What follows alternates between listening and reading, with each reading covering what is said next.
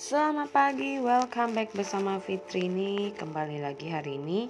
Pastinya saya yakin setiap kita Pasti diberkahi dengan hal-hal yang luar biasa hari ini. Sekalipun mungkin banyak struggle, banyak hal yang kadang kita sebagai manusia Kita tidak tahu sebenarnya apa yang dikendaki oleh sang pencipta buat kita. Namun satu hal yang pasti kita belajar adalah yang namanya punya pola pikir positif Nah, di kali ini aku akan bahas lagi seberapa penting sih punya mindset positif. Nah, kalau teman-teman uh, di episode sebelumnya kita bahas ya tentang mindset. Penting sekali ya punya mindset itu positif. Kenapa?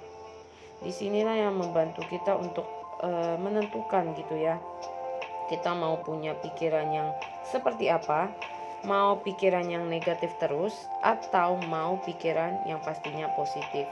Nah, pikiran seperti apa yang kita harapkan gitu ya?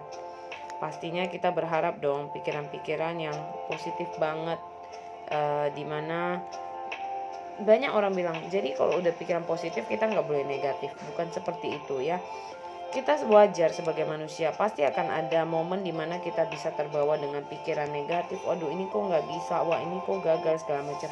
Tapi bukan berarti kita terjun terlalu lama berada di situasi tersebut. Justru kita perlu untuk wake up to change your mind from the negative. Tidak langsung terpengaruh 100% nya tapi begitu cepat mengambil tindakan untuk bisa memiliki pikiran positif.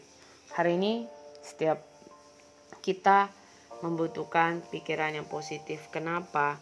Karena bukan kita bilang terlalu beriman segala macam, tapi pikiran positif itu sangat berpengaruh dengan kesehatan tubuh kita. Kalau kita terlalu banyak memasuki hal-hal negatif, tubuh kita juga akan terbawa dengan penyakit lah sakit segala macam. Jadi kita perlu untuk punya pikiran yang positif karena ini juga membantu secara pikiran itu bisa membantu kesehatan tubuh kita juga.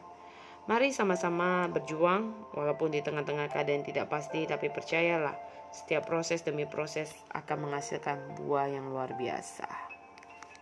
Have a nice day.